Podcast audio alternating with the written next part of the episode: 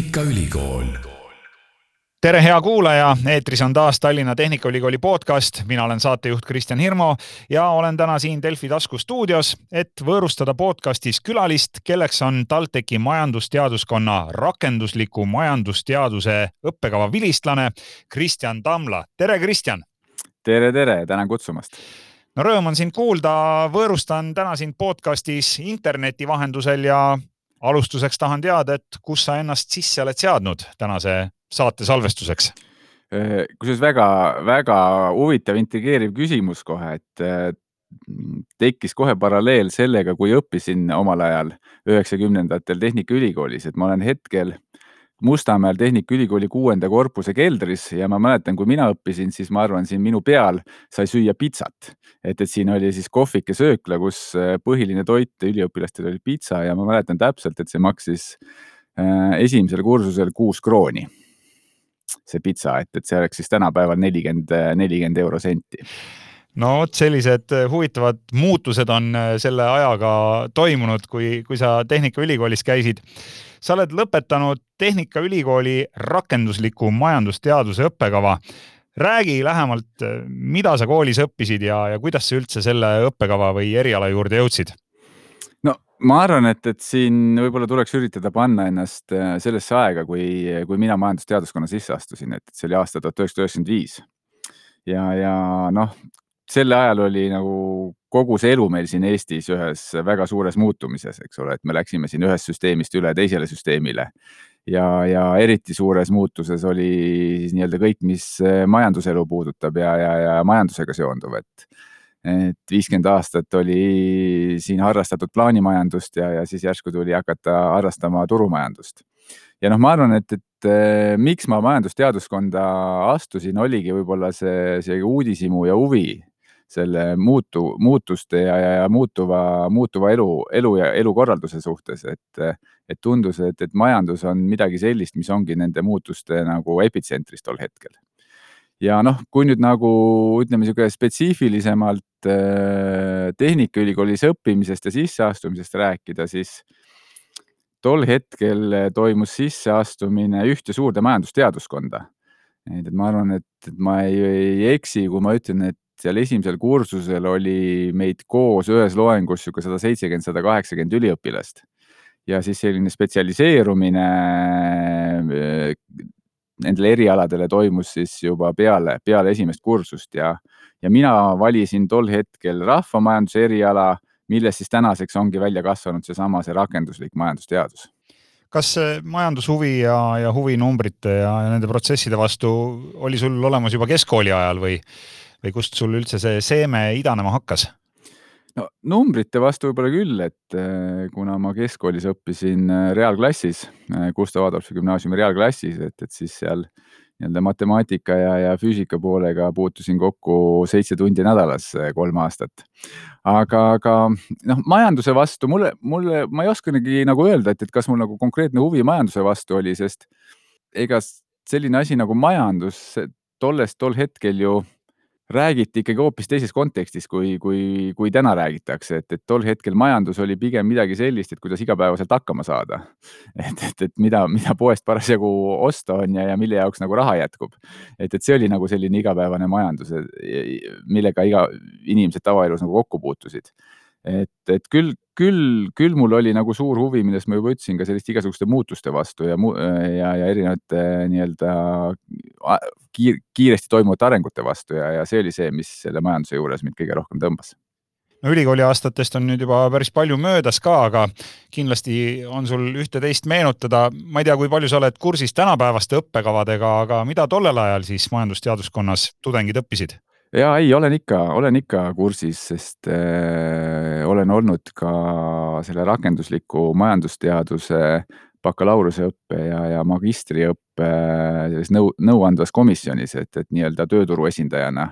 Et, et püüdnud äh, siin äh, ülikooli õppejõudude ja, ja õpilases äh, inimestega arutada seda, et millised on need ained ja oskused, mida, mida tänapäeval tööturul vaja on ja, ja kuidas neid siin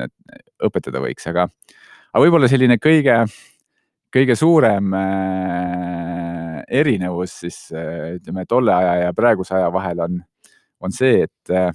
kui täna noh, inimest, kes, kes on äh, nii-öelda ettevõtja, teda kutsutaksegi ettevõtjaks, siis tol hetkel kutsuti ärimeheks ja, ja, ja kui me vaatame ka ainete nimetusi, siis eh, tol hetkel eh, väga paljud ained sisaldasid endas sõna äri. Eh, tänapäeval sisaldavad väga paljud ained endas sõna ettevõtlus. et, et, et võib-olla see on siis selline üheksakümnendate aastate ja, ja, ja täna, tänapäeva suurim erinevus, et, et kui tänapäeval öelda ärimees, et siis see vist juba pigem, pigem kõlab natukene sellise halvustavana. et tänapäeval tuleb ikkagi öelda ettevõtja aga koolipõlvest või ülikoolipõlvest kindlasti on sul, on sul häid ja, ja lahedaid mälestusi ka, et, et võib-olla mõni õppeaine, mis tõesti hiljem järgi mõeldes on tundunud, et esmapilgul võib-olla oli natukene, kas tundus kasutu või, või mõtlesid, et noh, et, et kus mul seda vaja oleks, aga, aga on sul mõni aine, mis sul nii-öelda on jäänud sind peale ülikooli lõppu saatma ja, ja saatnud sind ka sinu karjääris ja töös? No ma võib-olla jagaks isegi niisugusesse kahte gruppi need ained, millest ma ise tunnen, on, on kõige, kõige rohkem nagu kasu olnud. et äh, selline esimene grupp on ained, äh, mis sidusid sellist teoreetilist tausta igapäeval ette tulevate nii-öelda praktiliste teemade ja probleemidega ja, ja siin ma tooks e, e, välja võib-olla ütleme niisugune statistikaga seotud ained, äh, tõenäosusteooriaga seotud ained et noh, nii uskumatu, kui see tol hetkel ka ei tundunud, siis äh, tõenäosusteooria on see, ma ütleks, mida nii-öelda majanduses ja, ja, ja finantssektoris töötav inimene noh, praktiliselt iga päev peab mingit pidi, mingit pidi kasutama. ja, ja teine valdkond aineid, äh, mis on tegelikult, äh, mida ma noh, just tagantjärele olen kõige rohkem hindama osanud hakata, on need ained, mis andsid sellised baasteadmised ja maailmavaatelised teadmised äh, majanduse toimimisest. et äh, noh, piltlikult öeldes, äh, mida tähendab riigi suurem sekkumine majandusse, mida tähendab riigi väiksem sekkumine majandusse, mis on liberaalne majanduspoliitika, mis on vähem liberaalne majanduspoliitika. et, et noh, kui vaadata, kuidas see majandus meil siin viimase kümne-viieteist aasta jooksul äh, arenenud on, siis, äh, siis tegelikult äh, nii maailmas kui, kui ka, kui ka Eestis oleme me tegelikult käinud äh, siin pendlina päris tugevalt ühes ääres ja siis jälle liikunud nagu teise äärde, et, et noh, need, kes teavad või, või kes mäletavad, siis kahe tuhande kaheksandal aastal oli meil siin suur, suur finantskriis nii maailmas kui ka Eestis ja, ja mis sellele eelnes, sellele eelnes selline arusaam või selline maailmavaateline lähenemine, et et majandus ja eriti finantssektor peab hästi vabalt toimima, et seal ei tohi üldse sekkuda, et, et hästi liberaalne peaks see kõik olema. ja noh, kuhu me täna oleme peale finantskriisi jõudnud, oleme jõudnud sinna, et, et kus pendel on läinud täiesti teise äärde, et, et äh, finantsturud ja, ja majandus peaks olema hästi reguleeritud. et noh, ma omas, omas valdkonnas näen, kuidas täiendavaid regulatsioone tuleb Brüsselist, Frankfurdist, Toompealt, noh, iga, iga nädal ja ega ei olegi ühte õiget vastust, kumb on õige või kumb on vale et, äh, et ega ongi, on ühel öö, äh, omad head ja vead ja on teisel omad head ja vead. oluline on see, et, et need baasteadmised, mida selle ülikooli äh, ainetes nagu omandasid, et need võimaldavad siis nagu hinnata, et, et, et mis, mis nagu ühe, ühesuguse käitumisega kaasnevad, mis teist, teistmoodi käitumisega kaasnevad, et, et see on, see on, ma ütleks nagu sihuke kõige üks kõige olulisemaid baasteadmisi olnud, et just see võime, võimekus siis mõista, et, et kui suurenevad regulatsioonid, mis siis majanduses võiks juhtuda, kui vähenevad regulatsioonid, mis siis majanduses võiks juhtuda. kui palju sa oma toonaste ülikoolikaaslastega täna suhtled või, või oled äkki mõnega nii-öelda tänase päevani veel sina sõbraks jäänud? no ma arvan, et ma ei liialda, kui ma ütlen seda, et, et täna mu kõige paremad sõbrad ongi tegelikult äh, ülikooli ajast et on paar sõpra, kes on keskkooli ajast, aga, aga, aga selgelt kõige rohkem on ülikooli ajast ja, ja ma arvan, et see on nagu ük, üks asi, et ma ei taha siin kindlasti kuidagi praeguseid või tulevasi tudengeid kuidagi õpetama hakata, et, et see ei ole kindlasti minu töö, aga, aga üks asi küll, mida, mida ma arvan, mida, mida ei tasuks alahinnata, on, on just see suhete võrgustik ja see, see, need suhted, mida ülikooli ajal ehitatakse ja saadakse et noh, ma võin omast, omast käest öelda, et mul on päris mitu väga head ülikooliaegset sõpra Äh, kellega noh, kas üks või kes on mind erinevatesse kohta töö, tööle kutsunud või keda olen mina tööle kutsunud, kellega oleme koos erinevaid äriprojekte teinud ja nii edasi, et, et, et see, ja kui sa, kui sa inimesega, kui sa oled inimest näinud noh, nii-öelda mitte otseselt tööga seotud keskkondades, vaid ka nii-öelda õppimiskeskkonnas, vabal ajal ja nii edasi ja tunned teda noh, nii-öelda läbi ja lõhki siis tegelikult selliste inimestega ka pärast nii-öelda ärialast eh, koostööd teha ja, ja, ja ettevõtlust arendada, nagu tänapäeval siis tuleb öelda, on, on alati palju-palju lihtsam. aga kui sul ülikooli õpingud lõppesid, siis mis sust edasi sai, kas läksid kohe tööle? no tegelikult äh, ma läksin tööle juba kolmanda kursuse keskpaigast ja, ja, ja tol hetkel oli see väga tavapärane, et, et bakalaureuseõppe ajal mindi, mindi juba tööle. ja ma arvan, et, et see on ka nagu Tallinnas õppimise üks väga suuri eeliseid ja plusse, et, et see vähemalt Eesti mõistes see Tallinna tööturg on selgelt kõige suurem ja pakub kõige suuremaid võimalusi nii noorele üliõpilasele kui ka, kui ka juba noh, nii-öelda lõpetanule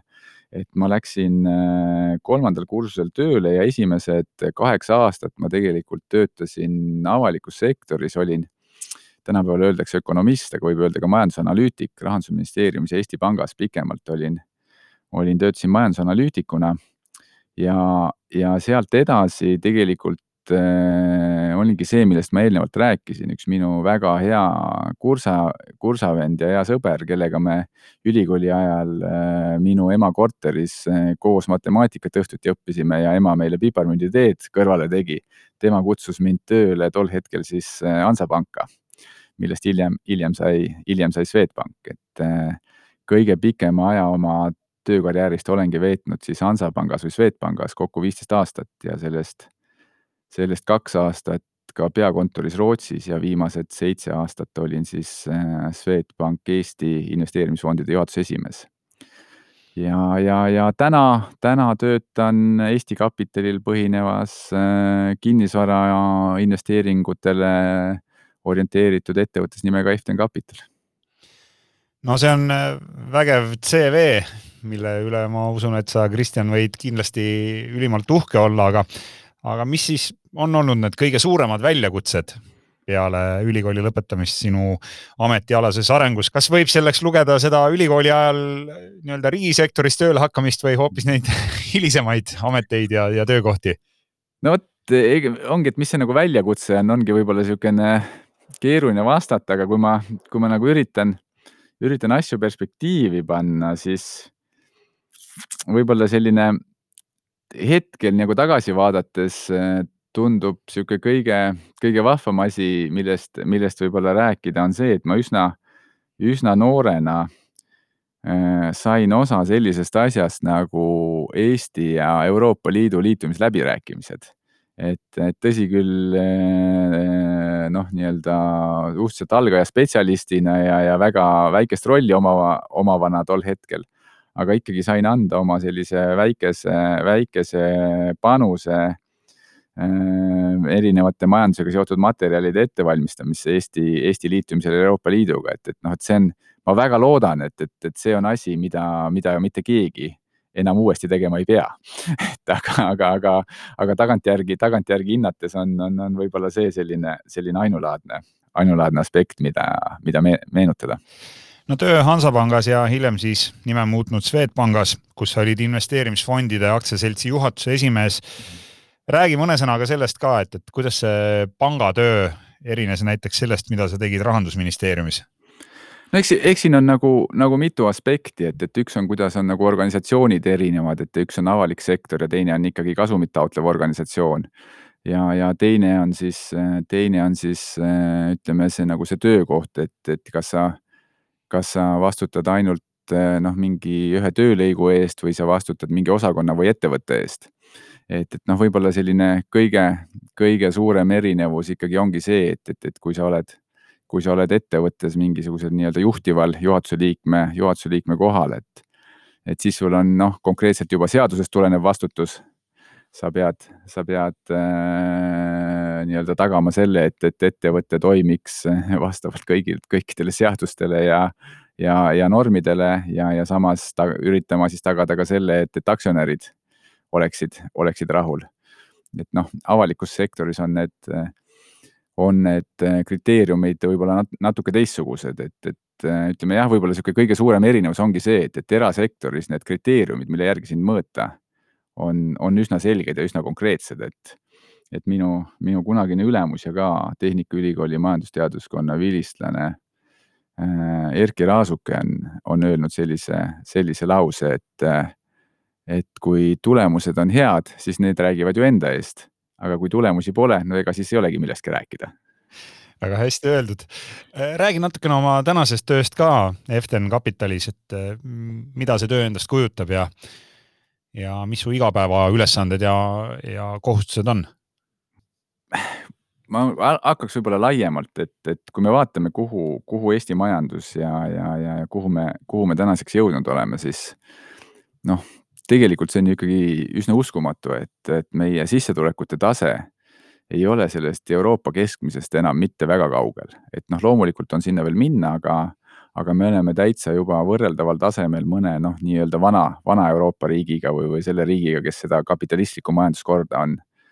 on, on viljelenud ikkagi aastakümneid eh, või isegi aastasadu rohkem, kui meie seda oleme teinud. küll aga on nagu väga suur erinevus äh, selles, et, et kui palju me siin äh, väikeses Eestis omale kapitali kogunud oleme. tänaseks me kahjuks, äh, kuigi meie sissetulekud on juba täitsa arvestatavad, oleme seda kapitali, kapitali kogunud üsna vähe. ja ega noh, midagi teha ei ole, et, et kui me tahame seda järgmist, järgmist hüpet oma, oma elatustasemes teha, siis, äh, siis me peame ikkagi rohkem rohkem nii-öelda enda, enda loodud kapitalile tuginema ja ise, ise erinevaid ettevõtteid tegema. ja noh, ma ütleks niisugune suures plaanis minu eesmärk ongi siis täna luua täiendavaid võimalusi selleks, kuidas Eesti inimesed saaksid kapitali koguda ja kuhu sääste tulusalt paigutada. ja, ja konkreetsemalt äh, olen ma siis nüüd äh, tegev äh, kinnisvara, kinnisvarasse investeerimise, kinnisvarafondidega investeerimise valdkonnas, et, et eesmärk on, on luua luua selline kinnisvarasse investeerimise võimalus, kus siis oleks, oleks võimalik ka väikeste summadega nii-öelda alates kümnest või viieteistkümnest eurost peale hakata, et ei pea tingimata omale mitmesaja tuhandest korterit ostma, et kinnisvarasse investeerida. et, et inimesed, kes soovivad raha kinnisvarasse paigutada, et saaksid seda kõik, kõik teha madalate kulude ja väikeste summadega. see piltlikult tähendab siis seda, et kui mul oleks näiteks sada eurot, ma saan paigutada selle kuhugi teie fondi ja, ja seal ta siis vaikselt kasvab ja, ja edeneb. Ja absoluutselt, see on, see on eesmärk ja, ja mitte ainult ühe korra sada eurot paigutada, vaid, vaid näiteks seda regulaarselt teha, et, et iga kuu äh, üritada säästa näiteks viiskümmend eurot ja, ja iga kuu seda vaikselt, vaikselt kõrvale panna, et ega see on, see ongi see, kuidas tegelikult nii-öelda rikastes ühiskondades see kapital aastakümnete ja aastate sadade jooksul vaikselt tekkinud ja akumuleerunud on no kui me lähme veel korraks tagasi sinna üheksakümnendate keskpaika või teise poole, siis kui sa võrdled seda aega ja tänast päeva ja seda, kuidas üldse inimestele räägitakse rahatarkusest ja investeerimisest ja, ja oma kapitali kasvatamisest, et kuidas sa neid perioode omavahel võrdleksid, et kas üheksakümnendatel ka keegi sellest üldse midagi rääkis või teadis?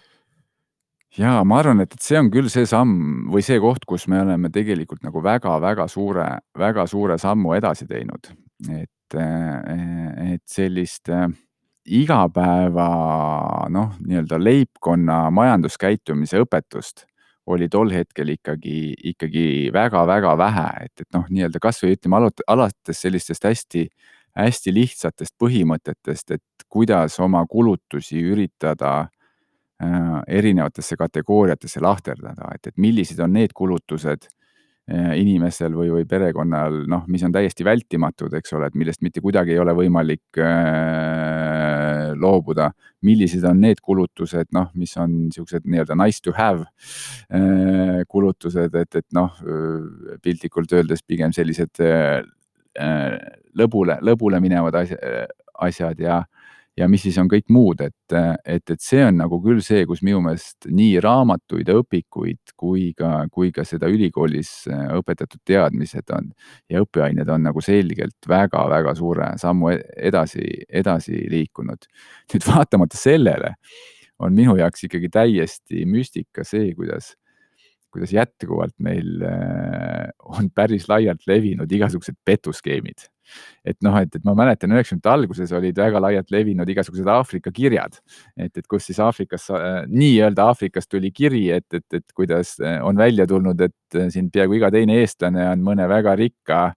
rikka inimese sugulane või järeltulija ja see väga rikas inimene on ära surnud ja, ja nüüd oleks vaja sellele eestlasele see suur varandus üle kanda. Aga enne kui seda teha saab, noh, kandke paarsada eurot meile sinna kuhugile arvele ja siis me kanname teile kohe miljonid et noh, et see, et need tol hetkel levisid, ma saan isegi nagu aru, et, et meil puudus igasugune kogemus, eks ole, ja, ja, ja, ja noh, saimegi nii-öelda algajad saavadki petta, eks ole, tavaliselt. aga see, et, et meil täna nagu jätkuvalt väga suures mahus sellist lihtlabast finantspettust esineb ja vot, vot see on nagu minu jaoks hämmastav, aga no eks see ütleb, et tuleb seda tarkust ja koolitust äh, igapäeva rahaasjades ikkagi edasi levitada ja veelgi, veelgi sügavamalt. No aga äkki see olekski siis hea soovitus noortele, et äh, selleks, et ennast vähemalt äh, raha ja majandusküsimustes hästi koolitada, siis äh, miks mitte Tallinna Tehnikaülikooli, et, et on sul äkki mõni hea soovitus veel täna nendele, kes gümnaasiumit lõpetavad või, või kes on ülikooli või eriala valiku ees, et, et kuidas seda valikut täna üldse teha? sest maailm on ju lai ja täis erinevaid võimalusi ja, ja, ja asju, mis noori huvitavad, on niivõrd palju, et, et kuidas, kuidas see noor inimene selle õige valiku võiks teha? ja, oh päris, päris hea pirakas, et ma võib-olla alustaks seda siis võib-olla niisuguse väikse, väikse naljaga, et et see on vist niisugune majandus, majandusinimeste, majandusinimeste hulgas levi, leviv nali, et niisugune kahe tuhandendate alguses, kui Eesti on juba läbinud sellise noh, suurema üleminekuperioodi ja jõudnud juba niisuguse täitsa normaalsele elatustasemele, tulevad siis Eestisse väliseksperdid ja arutavad siin Eesti poliitikutega ja ametnikega, et noh, et, et kuidas teha see järgmine samm, et, et me sinna päris rikaste riikide perre jõuaksime. ja siis väliseksperdid mõtlevad, ütlevad, et teate, et te võiksite investeerida haridusse ja selle peale hüppavad eestlased püsti, ütlevad hästi, mitu korrust et, et noh, et, et ma arvan, et, et võib-olla nagu üks asi, mida ma soovitaks, on siis mitte, mitte, mitte vaadata seda, et, et, et kui mitu korrust sellel ülikoolil on ja, ja, ja kui ilus see hoone välja näeb, kuigi noh, Tehnikaülikoolist rääkides ma pean tunnistama, et, et ka siia on väga palju ilusaid õppehooneid juurde lisandunud. et, et esimene asi ikkagi alustada, alustada nagu mõelda seda, et, et, et mida, mida, mida see programm võiks mulle anda, kui ma kui ma ülikooli lõpetan. ja, ja, ja mis, mis võimalusi ta pakub ja, ja miks ma arvan, et täna on Tehnikaülikool väga-väga heas positsioonis siin haridusmaastikul, vähemalt, vähemalt nagu Eesti mõistes noh, üks asi on see, et, et, et ma arvan, et need majandusteaduskonna programmid ise ja need õppejõud, tegelikult see sisu, see sisu on ikka väga-väga palju muutunud ja kaasajast, kaasaegsemaks muutunud võrreldes sellega, kui, kui mina ülikoolis õppisin, aga aga teine asi on see, et, et kui me mõtleme selle Eesti majanduse peale, et, et me oleme ikkagi nagu väga-väga väike ja väga avatud. ja noh, näiteks Swedbankis töötades sisuliselt ei muutunud, ei möödunud ühtegi päeva, kus ma ei oleks äh, pidanud mõnda koosolekut või telefonikõnet oma kolleegidega, ma ei tea, Rootsist, Lätist või, või, või Leedust. et selline rahvusvaheline taust, rahvusvahelised suhted, rahvusvaheline koostöökogemus, mida siit Tehnikaülikoolist võimalik saada on. et, et ma arvan, et, et see on kindlasti see, see asi, mis äh, nendele inimestele, kes majandust tahavad õppida, tuleb, tuleb tulevikus kindlasti, kindlasti kasuks. ja noh, ma arvan, et, et see, mis kehtis minu ajal, kehtib ka nüüd, et, et see Tallinna tööturg. et, äh, et, et kui on soov ikkagi suhteliselt varakult, varakult ülikoolis äh, õpitud tööturul proovile panna, siis ega Eestis vähemalt on, on Tallinn, Tallinn väga hea koht ja Kristjan, ma tahaks sinu sõnu täiendada veel selle koha pealt, et äh, mitte ainult ülikooli hoonetele, vaid ka näiteks äh, ühiselamutele on tehtud korralik upgrade võrreldes sellega, mis üheksakümnendate keskpaigas toimus, et et selles suhtes on Tehnikaülikool väga-väga mõnus koht tõesti, kus õppida, pluss seal on üks äh, väga suur eelis, kõik on ju nii-öelda ühes selles Mustamäe campuses koos ja, ja kõik ja, asjad on käe-jala juures, et, et ei ole vaja mööda linna ringi, ringi tuhiseda ja ja hoiab sellega kõvasti aega ja raha kokku. aga kui me veel räägime näiteks sinu valdkonnast, siis kas sul on mingi selline perspektiiv ka, et, et milliseid inimesi üldse vajatakse järgmise viie või kümne aasta jooksul, et, et kas, kas oskad, oskad ennustada ka natukene, et, et millised inimesed ja milliste omaduste ja oskustega töötajad tulevikus vajalikuks mm. osutuvad? ma arvan, siin on nagu mitu aspekti, et äh kui me, kui me räägime, ütleme sellisest hariduslikust taustast, siis äh,, siis ma arvan, et kindlasti inimesed, kellel on väga head baasteadmised majanduse toimimisest ja kellel on ka kindlasti head, head arvutusoskused ja analüüsivõime. ja noh, nüüd ma arvan, et need on nagu need, need valdkonnad, kuhu, millele saab siis äh, praktilisi ja spetsiifilisemaid teadmisi töökohal juba peale, peale ehitada, et, et noh, kui ma mõtlen oma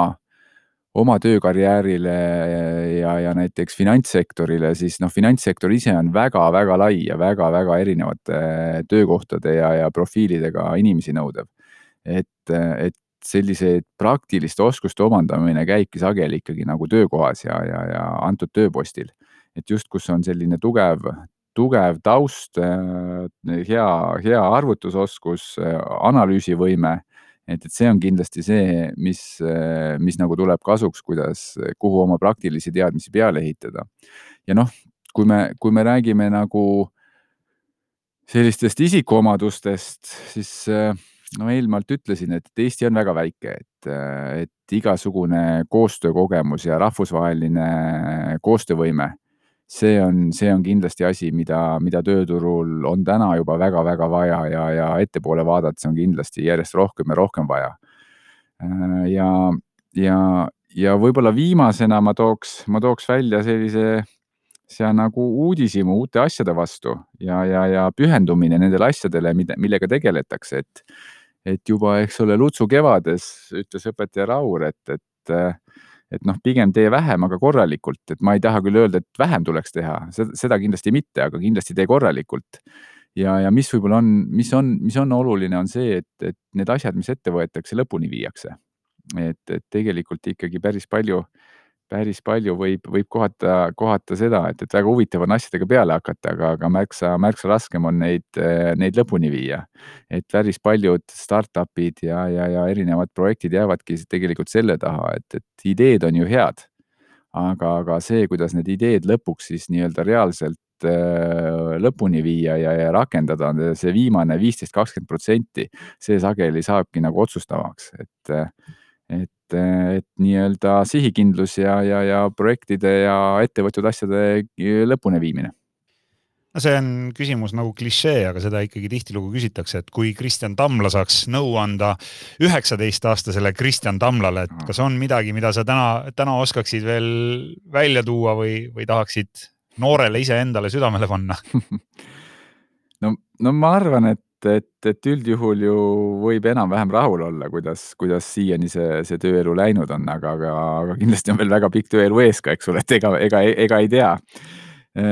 ja, ja mitte, mitte, et, et see, kuidas ta nüüd läinud on, et, et see nüüd et tingimata alati väga teadlikud valikud on olnud, et, et eks siin on ka ju palju juhust olnud, aga aga no ma mõtlen, et kui nagu, ma ei tea, kas nüüd just teisiti teha, aga, aga võib-olla oleks võinud nagu just ülikooli ajal Äh, natuke mõnda muud äh,